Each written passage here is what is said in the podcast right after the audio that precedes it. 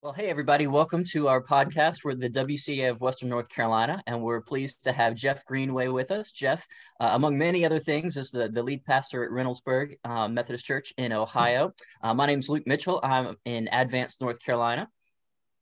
I'm Amy Hutchison. I'm at Hills Chapel in Lowesville, North Carolina. And Jeff, we'd like to um, pick your brain about discipleship um, in uh, in our in our Wesleyan circles. Uh, so to get into this uh, topic, we want to talk a little bit about connectionalism. It's uh, it's a distinct word that we talk a lot about in pastor circles, but it doesn't get brought up much in the local church. Um, so tell us what is what does it mean to be connectional, and why is that part of our West, uh, Wesleyan DNA? Well, uh, today connectionalism means a very different thing than it meant during Wesley's day. Uh, in fact, I think one of the move moves that need to take place in the next Methodism is a reclamation of what connectionalism really used to be.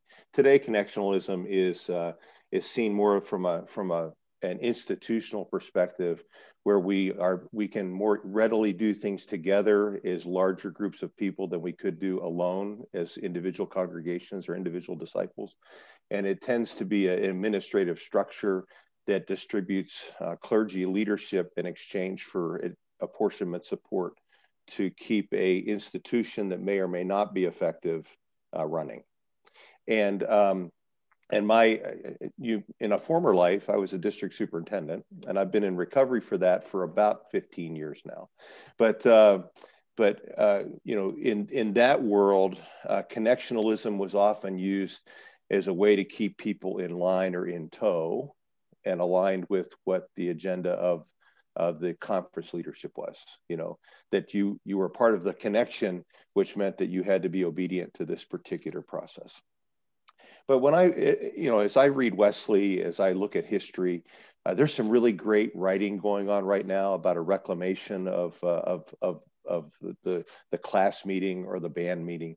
When i when i read uh, wesley talking about the connection it's it's more in in line with uh, wanting his people to be more than the rope of sand that Whitefield's people were. You know, Whitefield talked about how Wesley had chosen the better part because he took all of his converts and put them into societies. And he looked around at all of Whit, Whitefield looked around at all of his converts and he said they're just like a rope of sand, which means they don't have any cohesion. There's nothing that holds them together. And so the connection in a historical theological sense was uh, was the alignment or the, the assembly of the converts into small groups, class, societies, class meetings, and band meetings, in which uh, they would cement the doctrine that had been taught in the larger setting into the lives of the people living in the smaller setting and accountability. So they, as they watched over one another in love, as they held one another accountable, as they set a high bar for what it meant to be a disciple, for what it meant to be a Methodist, uh, that transformed not only individuals, it transformed families. Uh, many historians believe it saved England from the revolutions that were happening elsewhere, like in Italy and France during that particular period of time. And, and I actually said this to my congregation last Sunday. I said, I said the Wesleyan movement shaped America. I mean, for the most historians will tell you, non-secular historians, they'll tell you that the, the most significant shaper of America in its first hundred years, apart from the government, was the movement of Methodism from East Coast to West. Hmm. Uh, in the 1850s or 1860s, we were starting a, a, church a day, you know. And if you look, you know, I live in in Columbus, Ohio, or just east of Columbus, Ohio. If you go to any crossroads town in Ohio, you'll find a Methodist church there. And that's because a class meeting had been started there at one point or another. And so those class meetings were really the church. And the, the, the societies, the larger gatherings for worship and instruction uh, were that was that was a different thing, but it was the it was the the connection was really centered around uh, these groups of twelve people or so that were put in high put under the leadership of class leader who had incredible spiritual authority in their lives. There was a high expectation of accountability uh, they expected uh, people to come back the next week and say whether they had or had not kept the promises they were making. Uh, there was an understanding that they were going to be moving from justifying faith to sanctifying faith. And this was a, a lifelong process that they were never going to arrive. But those folks knew each other.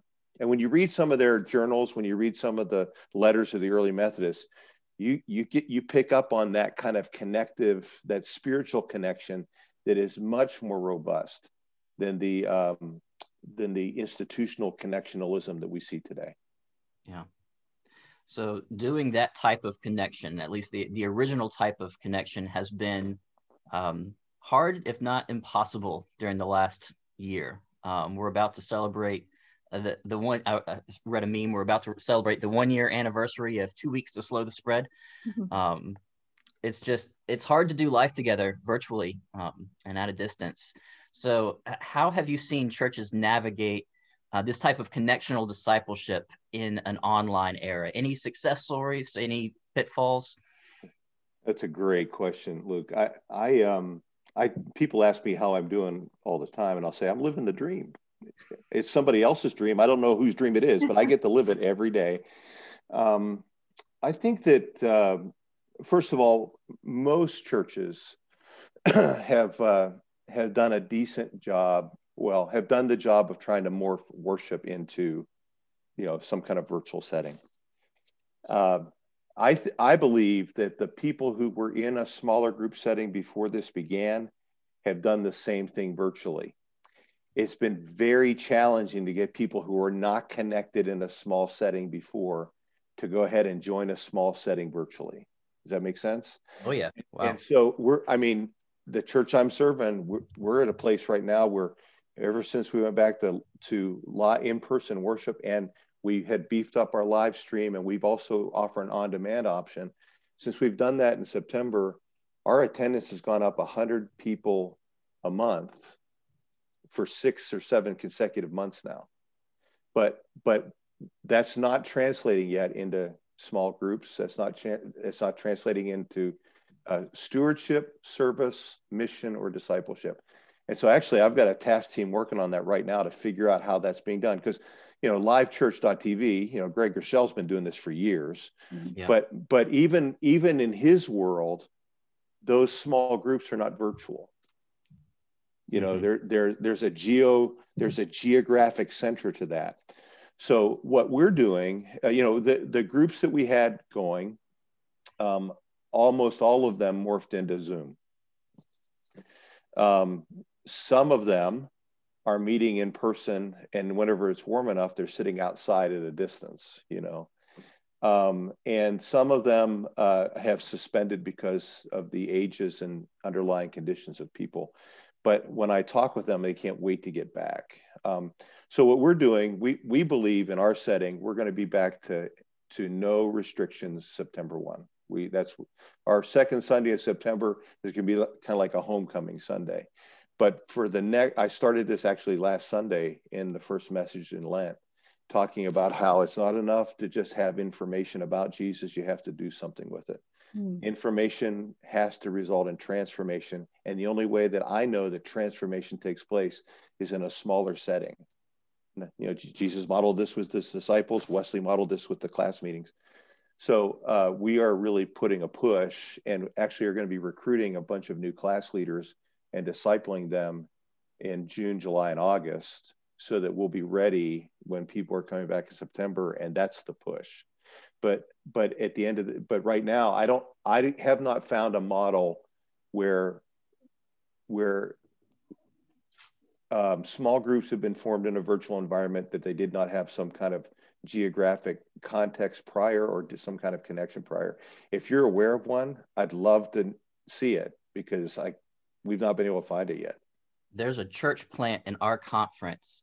I'm pretty sure that it it was scheduled to start in July of 2020, and it was going to be a virtual church plant. Um, I haven't talked to the pastor to see how he's doing. I, we're we're good friends, but yeah. um, I say good friends. We haven't talked in a while, but you know we know each other well, um, and so I, would be interested to see. Um, Amy, are are you familiar with that? Mm-hmm. I'm a little familiar. We've actually thought about offering him space in the building, ironically, um, yeah. just to see if he needs it. But yeah, I um, I'm not sure how he's doing. I know that he asks for help periodically, mm-hmm. but I'm not sure how it's actually going. But yeah, it'd be interesting to hear because it is the the heart that he has is for online ministry to reach young people in particular, to reach um, gamers. Um, if we're talking, I'm assuming we're talking about the same one. Yep. Um, so he wants to reach a gaming population that sits on their computer a lot. Um, yeah, so. that's a, that's a great target audience. God bless him. And and you know what? I I have a Beth and I have a my wife and I have a good friend, and uh, her husband, her her middle child, is now making significant money as an online gaming analyst. Hmm. Okay, uh, he's working with Major League Gaming for a while. He's now, I mean, he works for two or three organizations. He is in that world. This guy is well known. You know, in fact, his parents joke that he really wasn't wasting his time all those years in the basement playing video games. He's actually making six figures a year doing this job. Okay, and uh, and either lives in New York or Los Angeles. It's very interesting, but but there's a different world of community there that is a is not a geophysical presence for people, and maybe there's something to learn from that. Uh, I'd really be interested to hear that. But in a world where there was geophysical proximity ahead of time that was put into a virtual world, people are really struggling with that. Mm-hmm. I'll, I'll, tell you another piece, though. That's the technical piece, but I think there's a philosophical shift that's going to have to take place. Um, you know, at the same time, the the Methodists were heading west, you know, at building a church a day. Um, they made a change in discipleship. Um, they started the Sunday school. Mm-hmm. And the Sunday school was really a great missional idea. And the intent of Sunday school was to teach frontier kids how to read. You know, that was the intent. And it was for children. And, and it was about the imparting of information into young people's lives. Well, somewhere in the late 1800s, early 1900s, that became the primary model of discipleship in the Methodist churches. Once churches were established, and they got larger than class meeting size. Instead of just adding another class meeting and having them come together and worship as societies, they just went to an information based uh, Christian education system. And that's the system that uh, most of us are trained in. That's the system that most of us have seen. That's the system that most of us come out of. but that's that's not one that automatically results in transformation. Mm-hmm. And uh, I was uh, I'm participating in a group right now. The the WCA has uh, one of the values we have coming out in the New Methodism is we'd like to start uh, 3,500 churches in the first seven years. And so we've already begun to identify persons who are church planters and begun to put them through a process from by, through exponential on starting, you know, multiplying churches. And so we have the first 25 of these church planters that are in this group. And I'm in it, not because I'm, you know, I'm not a 60 year old church planter, but I, it, I think there is going to come a time where I'm going to need to stand up and say, this is the thing we ought to do. Right. I think because of the roles I've played and the position I'm in. But uh, I was, uh, you know, I went into this thing thinking what I'm going to learn here. It has been rich. And uh, one of the things I learned early on in the process is they had several big dog pastors in a panel and uh, you would know all of them. They're they're they have high profile, and uh, and one of the they were talking about uh, the frustration of keeping score in an addition subtraction kind of way in our churches. You know how that is. Mm-hmm. Attendance is up, attendance is down. You know this or that. We have we're up in giving, we're down in giving. Instead of taking a look at, hey, how can we send 50 people over here and start a church? Mm-hmm. How can we take, you know, I've had in my ministry, I've had 30 people articulate a call to ministry.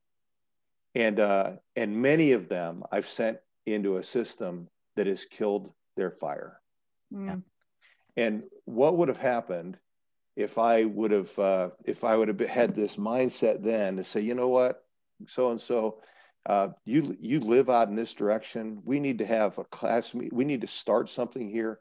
I'm going to send. I'm going to send. I'm going to send 50 people with you four groups of 15 people or whatever, or, or, or three, four groups of 12. And I'm going to, you know, we want you to do this. I wonder, uh, well, actually, I know now that would have been a much more kingdom oriented multiplication thing to do. The churches I served might not have grown to be the size they are, but the way I kept score would have been on churches that were multiplied out of it and not addition and subtraction in my pews. And that's what Wesley did. It was a multiplication movement.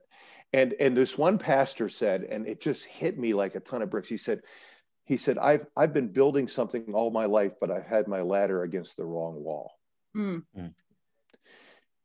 And, uh, and that was me. Mm. And so I'm working really hard right now in my context uh, to switch our ladder as a church to the right wall. Mm-hmm. And uh, as you can imagine, um, there's going to be some uh, pain in that, you know, because I listen, I teach a Bible study, I teach a pastor's Bible study every Wednesday night for an hour. It's verse by verse. I teach a men's Bible study every Saturday morning, eight o'clock, verse by verse. Before COVID, I had 150 people in that Bible study every Wednesday night.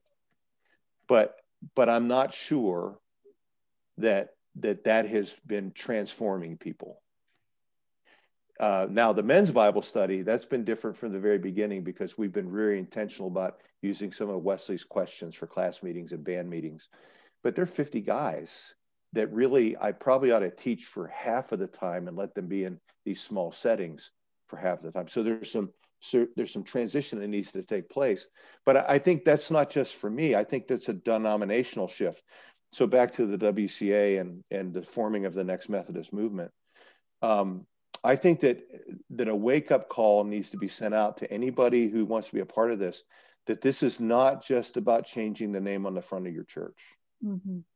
This is about a fundamental shift or approach in how we're going to be Wesleyan Christians today and really it's reclaiming some things that we've lost and uh, i'm excited about that that gets me up in the morning that but but it is a big task and the biggest task is oftentimes inside of me because i have to change thinking about well we're going to start this program this is not a programmatic thing this is a this is a dna shift in how we form people in christ so that they're transformed and they don't just have a lot of knowledge you know, I, I had a funeral. Uh, I had a there was a person dying about. Um, first of all, I've had a lot of funerals during COVID. I think we had 50 the first 10 months of this. Hmm. And uh, and I usually have people on my staff who do that for me. You know, I I don't I don't handle every funeral, but because they are were had underlying health conditions, I did almost all of them and uh, I a person was dying and had been would be seen as a pillar of our church and went to see them and they were afraid they weren't sure so in those in those weeks leading up to their death I was able to rem- I was able to uh, to lead them to a place of assurance you know yeah. mm-hmm. but it struck me this person had been in this church for over 75 years and, and had heard Wesleyan doctrine being preached, had, had been the recipient of all this information, but it had not migrated from head to assurance of heart. Mm. And that shame on me, shame on us, mm. shame on our system.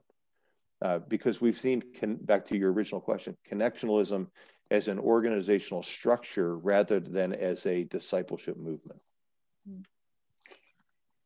Yeah, we're we're definitely seeing where people um back to you were talking about your church is going back in person, no restrictions in September.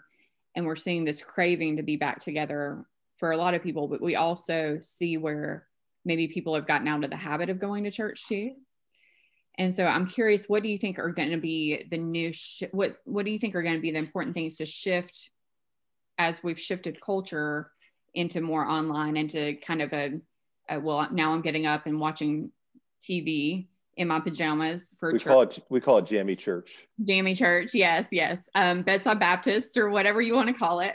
Um, how what do you think the the good the positives out of that shift may be and what was the potential there to reshape discipleship? Yeah i we have a much larger net and front door than we ever had before.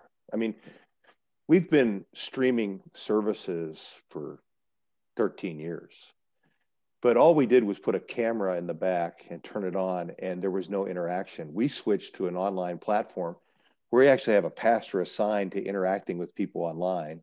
Mm-hmm. that pastor is praying with people. That pastor is their private chat rooms. The pastor can take people that want to have a conversation.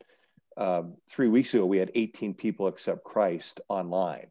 Mm. And, and we we don't know how that ha- what happened in the room because they couldn't come to the altar rail. You know, we we, we can't read that, but but we're getting that kind of feedback. I think uh, I I believe that we're probably going to have a larger attendance online. Uh, I you know early on in the pandemic, people were showing these memes on on social media of the first day back to church and people are dancing down the aisles and stuff like that. I don't think it's going to be like that. I really don't. In fact, we have a population of our church that's all that's now received both of their shots and they're they're they're they're six weeks past they're staying home and they're not coming yeah. they're not coming and mm-hmm. um and and i called one of them saint one of the saints you know she's one of these people that if i need somebody to pray for me and she said well it's just easier to come in and turn on my computer and now now she lives in a retirement community and that community has community so they're connected with people but she's not connected with her church community any longer mm. you know so uh, so one is i think we have to acknowledge that you, you you're not going to be able to turn the cameras off once church comes back you know mm-hmm. in-person worship comes back the second is is we got to figure out how to get people who are remote in worship to be connected in location um, and so one of the things that we went to do, you know, we've tried two or three different things in the past. We've tried affinity groups. We've tried, you know, whatever. What we've done now is we're looking for people who live in geographic locations who are willing to be class leaders. And we're going to connect people by geography, even virtually, so that once they're, even if they're not coming to geophysical worship, there's got to be some kind of re there's got to be some kind of reconnection to some kind of physical community. And we we're going to we're really going to be pushing that um, in september october november. Um, but here again we're in the process of building it. And and i'm just grateful you know i i realize i've got a lot of advantage. I've got people that are out kind of research and looking at all these different pieces and we're going to come back and put together the best we can. And then once we have it we'll share it with anybody you know. We that's what we've been doing with with people who've heard about the bump in our online community. We're willing to share the the information we found out and the platform we're using. Actually the platform we're using as soon as we're done with the live stream where the interaction is taking place and and the pastor's done caring for those people they hit a button and it goes live on the website and, and we leave it up for 36 hours. Mm. you know so people and and honestly our largest attendance right now is the on demand because uh, you know but it's the the online interactive is growing every week it's growing so but i, I do think that we're going to we, the churches if they cannot refuse to they, they have to acknowledge that online is here to stay Mm-hmm. Yeah, in the in the small church world, we are. Um, I don't I don't know if this is true for your church too, Amy. We are we're back in in person worship at my church, and it's about half of what it was. We're wearing masks, and I'm doing a 30 minute service, which is really short and weird, but I think people like it. Um, our online is, you know, it's hard to tell how long people are viewing the service, but um, we do have a lot of views and we've had a lot of visitors, but we've also had a lot of visitors that are out of town and will never show up at our church um, because um, John will share this service on his Facebook page and X number of John's friends will watch it.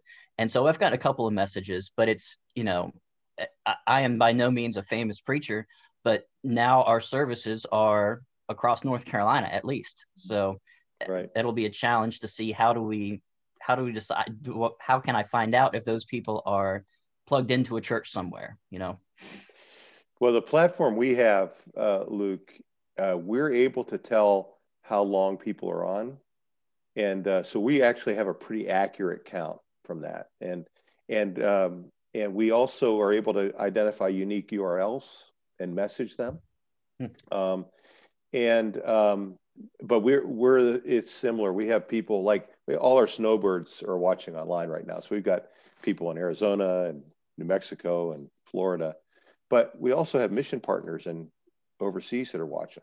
And they're never going to be with us, but it does strengthen the connection. And one of the things we're going to we're going to try to do in the future is use the online virtual reality to be able to bring some of that into our live worship space so we can hear from like our our pastor friend in Romania, you know, live in that that'll be that'll be the next level for us is when the virtual becomes both ways instead of one way. Um, one other thing about the whole virtual world, um, I've had to learn how to preach differently, and I have to look at the camera. Mm-hmm. Yep. You know you just can't preach in the room and um, and so i actually like in my in my notes and stuff i have highlighted areas where i know i'm going to look at the camera you know. Now then then i have to look at the room too because they're here you know they can't just be watching me watch a camera. It's really it's kind of wild. We we um we came back in september and uh, we went up to about 45% and then we had a second wave mm-hmm. and we've been down to about a third of pre-covid worship attendance we cut from five services a weekend to two, and we've added one back because we because of capacity. Um, but we'll uh, I don't know I don't know that we'll ever be back to five services a weekend again. Mm-hmm. You know. You had mentioned you have an online pastor, which is um, or someone who's responsible for online. I don't know if you call them a pastor, but um, that was something that I heard out of Nona Jones' book, the social media to social ministry mm-hmm. it really struck me that um because I, I actually pulled that book got that book from holy conversations when she was with mm-hmm. or it may not have been holy conversations it may have been a different podcast but um had heard her speaking about that and the online having someone who's specifically responsible for online and interacting that that's an important piece now. Um, i think the reality is a lot of churches are under 100 people and so they may not have the personnel to do that. And we're trying to figure out where to put our discipleship efforts or where to put our efforts. What do you think you've seen as the most impactful thing that your church has been able to do whether it be a program an event but that you've seen great fruit out of in terms of people growing in their faith. During the pandemic or prior? or in general both yeah. both. Yeah I, I, I go ahead luke. Are you gonna say something? Nope. Okay. Um,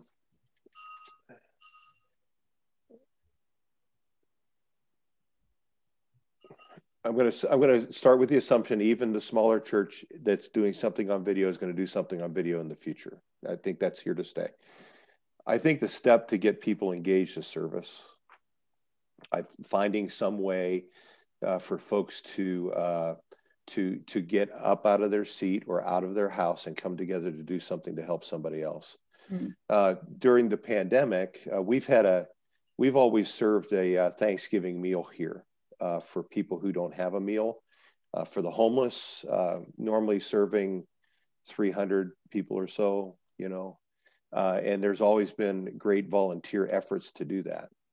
this year, we went, that was all done by carryout.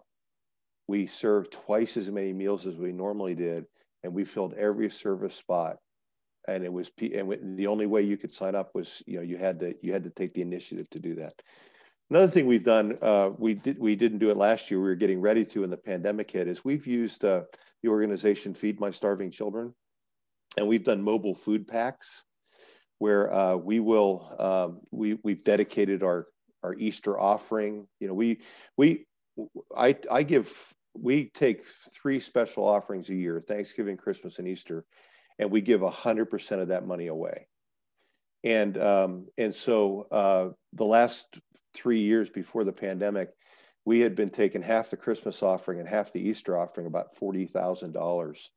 And, um, and we had uh, contracted with Feed My Starving Children and come in, and uh, we had done four uh, shifts of 200 people each coming into our facility uh, to pack uh, sustainable food that would feed a family for a week in packets, which was then shipped. And we were able to trace where that went. One, one, one part went to Haiti, another part went to, to Africa. And we were able to get feedback and then come back later and show our people what their serving had done. Here's the cool thing about Feed My Starving Children, though. We called it, we called it One Feeds One. And we, we advertised it, yard signs, all kinds of stuff to a website and we half over half of the people who served in that were not from our church and that became a front door for people, you know, a side door. And then they would be working elbow to elbow with the people from our congregation. And the people from our congregation would be talking with them about our church. And, and you know, and, and, and slowly but surely, we'd have people begin to engage in different ways in the life of the church. And uh, that just, that's just, I, my, my thought is, is that a church is going to have to figure out one thing, especially a smaller church what's the one thing that you can do to meet the needs of somebody else in your community and invite the community to help you okay? And and in, in, the larger the church you can do more of this but or you can do more in size but allow that allow service to be a port of entry to that.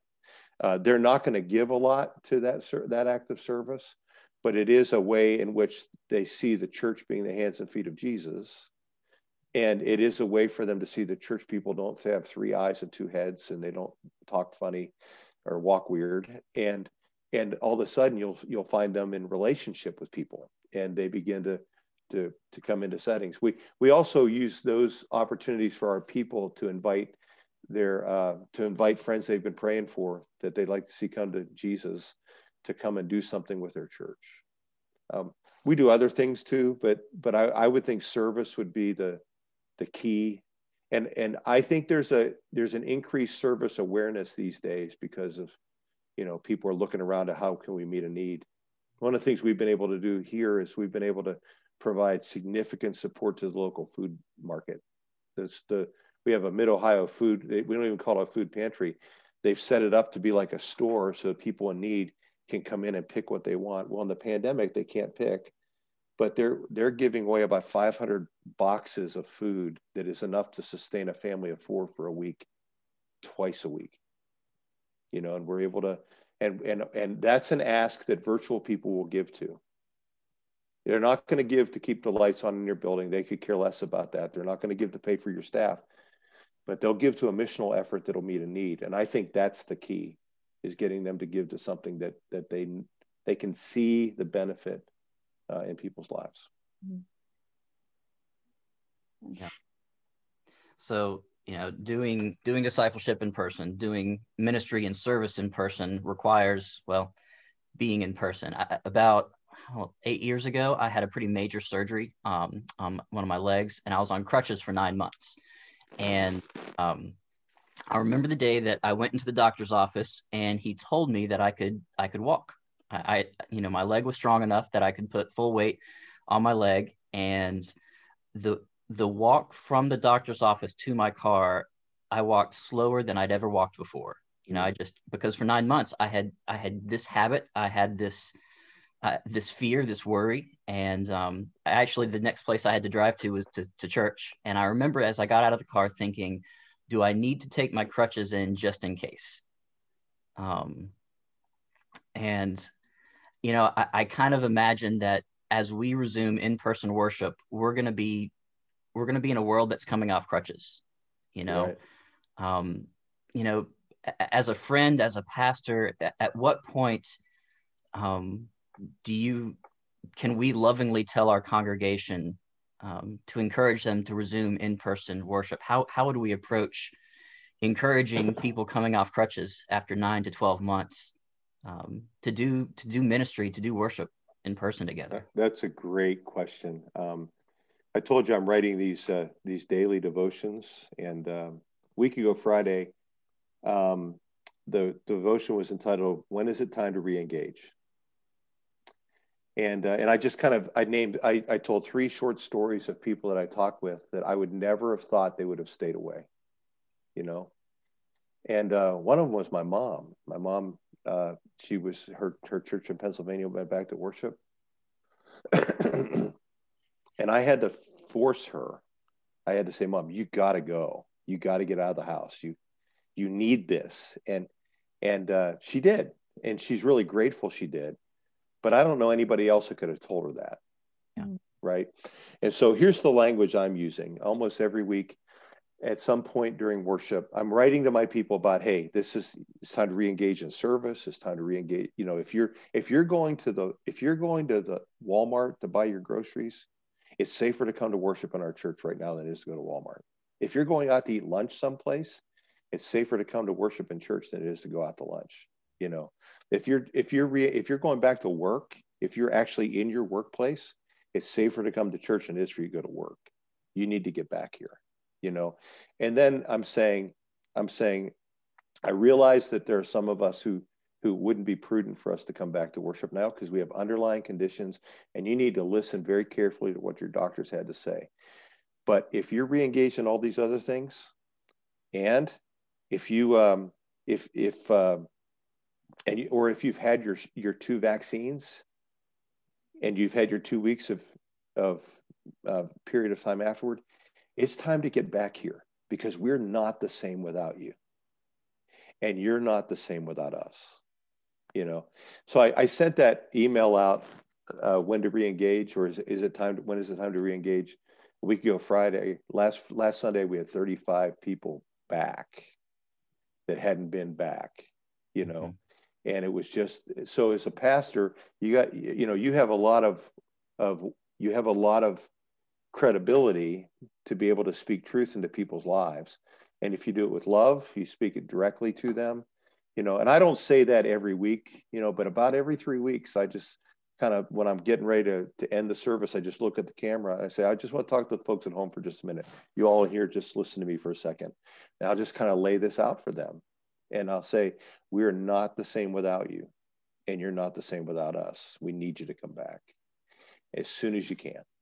Um, do you know you know Shane Bishop, Luke? Mm-hmm. Um, are you friends with him on social media on, on Facebook? I believe so. He he posts a lot of questions. He's good he at that. Do, he does, but he put a video out, an 18 minute video, about three weeks ago.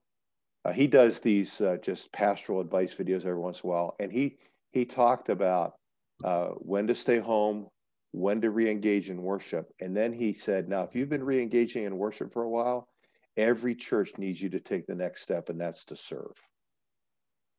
They need you to serve. They need people to hold doors. They need people to to seat people. They need people. They need you to serve. So it's time for you to just stop consuming and start serving. And uh, and I picked up some of that language. You know, I've I've just uh, you know used some of the language that he used and once again i think it's a consistent pastoral direct loving admonishment of people that it's time to re-engage you know? Um, and and i get the fear. I that's the biggest thing. The the fear and anxiety i see in people it's overwhelming sometimes. But if you're doing all these other things and you're not worshiping i think worshiping would help you with your fear. Being back in person. So I want to swing back to WCA and what WCA is doing for churches to equip churches for growing people, growing ministries, growing multiplying churches. What are some of the resources that are out there for churches and or what are the resources that you're working on for churches? Yeah, we just started a first of all, we've we've been working uh, it's amazing to me what we've been able to accomplish in the last five years with le- uh, with a budget of about six hundred thousand dollars a year and two employees, mm. three employees now. But it's amazing to me what we're able to do with that, and uh, primarily because we've been working with all volunteer task forces, and we've been bringing people who are passionate about different things together to begin to outline different. Um, uh, different approach like ministry with young people task force ministry with the marginalized uh, but the two that I would rec- that I would tell you that are in process right now that are actually beginning to have feet to them is we had a uh, we had a task force on uh, on new church starts or new community uh, you know new church starts and we had a, a task force or church multiplication task force mm-hmm. and we also had a church revitalization task force. The church multiplication task force was chaired by a guy named Steve Cordle. Uh, Steve's a church planter from Western Pennsylvania he planted uh, his church there almost 30 years ago and now has four campuses. He's also planted churches out of that church in France. You know, so he he gets the exponential understanding. It's a great church. Steve and I went to seminary together, but we were also colleagues together in Western Pennsylvania. Great leader, and and they've we've got a really good strategy on how to do a to, to launch a multiplication movement. And if we can if we can do this right and do the 3,500 churches in the first seven years of the movement. it'll be a multiplying movement that will not stop quickly. It'll it'll it'll begin to build energy, and the churches that come in that don't have are not willing to make the DNA shift, they'll that'll be sad for them. But if they can make the DNA shift and join in something like that, I think it's exciting. The second thing we did, uh, the, Church Revitalization Task Force was chaired by Leah Hidde-Gregory. Leah is the uh, is a district superintendent in uh, Waco, Texas area, in the uh, Central Texas Conference. Uh, she's an amazing leader, and uh, and out of that, they developed a a project. I think it's being called. I, I think the I'm not sure on the name of it, but we now have 25 churches that are walking through that revitalization track as a beta test so that we can we can show this is working you know? It's uh it's a really robust um, effort to realign existing congregations around the mission of the church uh, to help them concentrate on what is actually disciple making and kingdom building rather than nice things to do. And uh, and uh, so that that that that group of 25 churches there was an article that came out. I was on study leave last month but there was an article that came out during the month that talked about that launching and uh, they're beginning they're beginning to get the results of that. So and, and once we've beta tested that that'll be able to be launched system wide as soon as we have you know as soon as we have the go to be able to launch the denomination Great. Well, that as for the future of our, our Methodist movement, um, you know, there's a lot of uncertainties on the horizon. Uh, there's always uncertainties on the horizon. What is your hope for our future together? I, I don't want to spend the rest of my life propping up a dying organization. Um, I'm willing to give my life to a movement. And uh, and my prayer, my hope, uh, the thing that gets me up in the morning is that what we're building is movemental. Mm-hmm. And uh, that I'm not interested in rearrange, rearranging deck chairs. I'm not interested in having my ladder against the wrong wall anymore. I want to put my ladder against the right wall and build something that's going to last a long time, and uh, and will be catalytic. And uh, and the other thing is my hope about this is it, it, you know some people think that that once you know we form the new denomination it'll all be perfect and we'll live happily ever after that we'll never have a disagreement mm-hmm. um, that, that's that's naive uh, but what i am looking forward to is being a part of a, a movement that is not di- in disagreement about the key doctrinal foundations upon which we stand and i get to see that every time the WCA Council comes together. Uh, the, the level of discourse automatically is more transparent because we're not trying to discern what each other means by the words we're using. And I get to see this when the WCA Legislative Assembly comes together and we're working toward, you know, statements that we want to release. And I get to see that when the global gathering comes off, you know, and it's a celebration. I think that's what annual conferences were supposed to be like, right? When when Wesley started when Wesley would bring the preachers together, there were no lay people at that time. He'd bring the preachers together in the annual conference. It was for worship and instruction. You know, I, I, I would love to see us get back to something like that rather than a meeting of institutional maintenance. So that's that's what we've had in mind when we've been trying to build this thing. That's uh, uh, and and the one of the phrase I you may or may not remember that I chaired the task force to do the take the first stab at the uh, draft of the doctrine and discipline. We're like on the fifth iteration now, but the, some of those those those pieces are still foundationally there. And one of the things I kept telling folks when we were on that team was, you're not going to legislatively be able to change what's wrong with the United Methodist Church. You can't do it, and and and really, this is a heart matter. But what we can do is we can build a system where people who are not in alignment with that can be, be, be more easily transitioned out. What we can do is build a system that has much more permission to do something that's innovative and creative. What we can do is, uh, is, is build a system that has the initial values of church planting, congregational revitalization, and, and small group discipleship. That's what we can do. And that's what we've done. Now, I I think it's for some folks it's going to be harder than they imagine to shift their churches to this, but it'll be that's why it's so important for us to do the congregational revitalization. That's why it's so important for us to start new new churches. You know, uh, multiplication multiplication churches. One other task force we had working on that I forgot about was chaired by Bob Kaylor. Bob is from the, the Mountain Sky Conference, and it's about the uh, discipleship piece and it really clearly articulates that class meeting kind of discipleship class and band meeting kind of discipleship is the expected platform for discipleship moving forward not talking head sunday school classes mm-hmm. so that's all that's all been done uh, by volunteers i would add and it's exciting to see Good. well amy would you like to to close our podcast in a in a word of prayer I can do that. Let's pray. Dear God, we are so grateful for Jeff and for his ministry. We just ask that you continue to lead him in your way, in your steps, and that you continue to help him to discern what the what your will really is for these next steps. Dear God, I pray for everyone who is about to face transition, who is uh, still wrestling with where their place is and where their role is.